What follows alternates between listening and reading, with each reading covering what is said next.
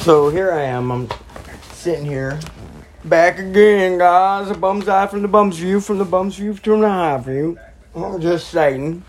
It's uh 4:38 a.m. and this is my podcast on the news. Sir Red Rum, Sir Red Rum. Here I am.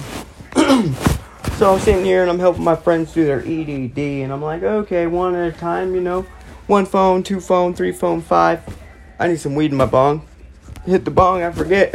I gotta do their podcast.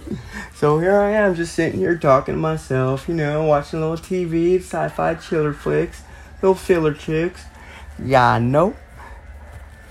Well, yesterday I decided that it's over. Life.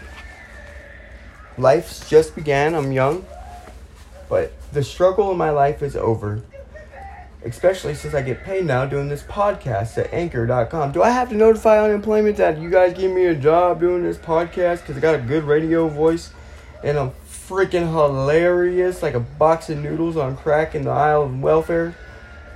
Did that even make sense? Who cares? Because it's a fucking podcast. What do you guys think about the the stimulus checks? Do you think Trump's gonna come and make it? Do you even think Trump's gonna get reelected? Why do you think the mail is not running anymore? Hmm? Is it a conspiracy?